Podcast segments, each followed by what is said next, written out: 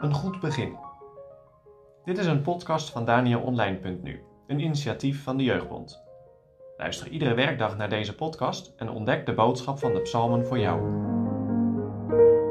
Vandaag met Dirk-Jan Nijsink, jeugdwerkadviseur bij de Jeugdbond en eindredacteur van DanielOnline.nu.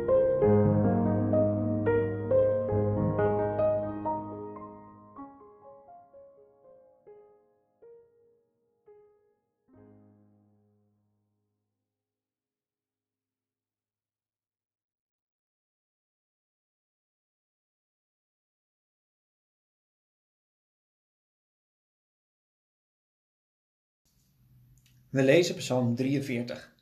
Je bent wat je lief is. Doe mij recht, o God, en twist gij mijn twistzaak. Bevrijd mij van het ongoede tierenvolk, van de man van het bedrog en van het onrecht. Want u bent de God van mijn sterkte. Waarom verstoot u mij dan? Waarom ga ik steeds in het zwart vanwege de onderdrukking van de vijand?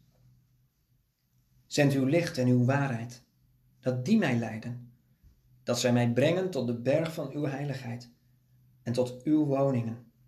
En dat ik inga tot Gods altaar, tot de God van de blijdschap van mijn verheuging. En u met de harp loven. O Waar God, mijn God, word jij echt blij van? Wat buigt gij Een paar jaar geleden o mijn ziel? Verscheen er een boek. En wat van zei christelijke onrustig filosoof en theoloog James Smith? Hoop op God, met de titel, want ik zal Je hem bent geloven. wat je lief is. Hij is de menigvuldige Wat verlosser jij van het mijn meest aangezicht. lief hebt En zegt iets over wie jij ten diepste bent. Je kunt naar buiten toe allerlei façades ophouden. Maar wie ben je nu in de kern van je bestaan?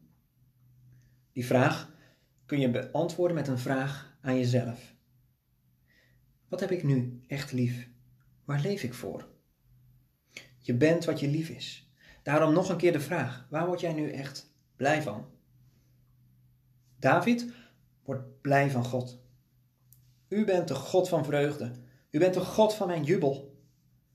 Alleen, het grote probleem van David is dat hij, hoewel hij de blijdschap in God kent, deze vreugde nu mist. Psalm 42 en 43 horen helemaal bij elkaar. Het is eigenlijk één psalm. Psalm 43 is het vervolg op Psalm 42. David schreeuwt vanuit het verlangen naar God, zoals een hert dat doet, als het heftig verlangt naar water. Een schreeuw uit nood. En die nood zit bij David hoog. Want als je nu de vraag aan David stelt: wat heb jij nu echt lief? Dan is dat antwoord hoe dan ook.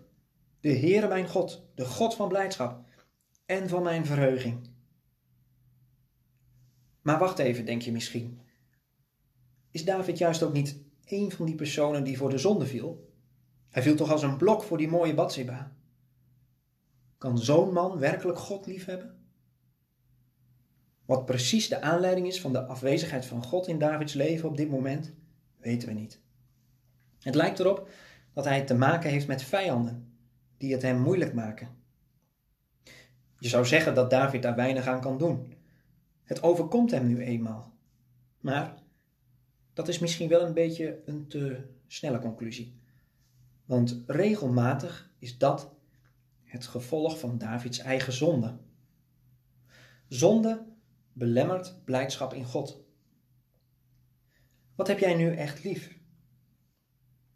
Als je je hart geeft aan zonde, blokkeert dat om verheugd in God te zijn. Je kunt je hart namelijk maar één keer weggeven. Wie ben jij? Wat heb je lief? De zonde steelt onze werkelijke identiteit. Zonde maakt jou tot iets, een zondaar, een verslaafde. Je identiteit is gevangen door de zonde. En daarom heb je bekering nodig. Je hebt een nieuw leven nodig, een nieuwe identiteit. Dat is wat God door zijn Heilige Geest werkt. Wedergeboorte, waardoor alles nieuw wordt. Nee, dit betekent niet dat je dan meteen een ander mens bent. Onkreukbare mensen bestaan niet. Denk maar aan David. De zonde wil Gods kinderen altijd weer hun identiteit stelen. hun blijdschap in God ontnemen. En hoe vaak gebeurt dat niet? Maar als je aan mensen die ooit iets hebben opgedaan van Gods vergevende genade in de Heer Jezus vraagt wat zij werkelijk lief hebben, dan kan het niet anders of het is de Heer. Omdat Hij hen met Zijn liefde opzocht. U hebt mij aangeraakt met uw woord en ik heb u lief gekregen, zegt Augustinus. Dat is echte vreugde. En als je die vreugde kent, dan weet je ook wat je mist als het zo ver weg is in je leven. Wie ben jij? En wat heb jij lief? Zie deze vraag vandaag onder ogen. Loop er niet voor weg. Breng deze vraag biddend bij de Heer neer.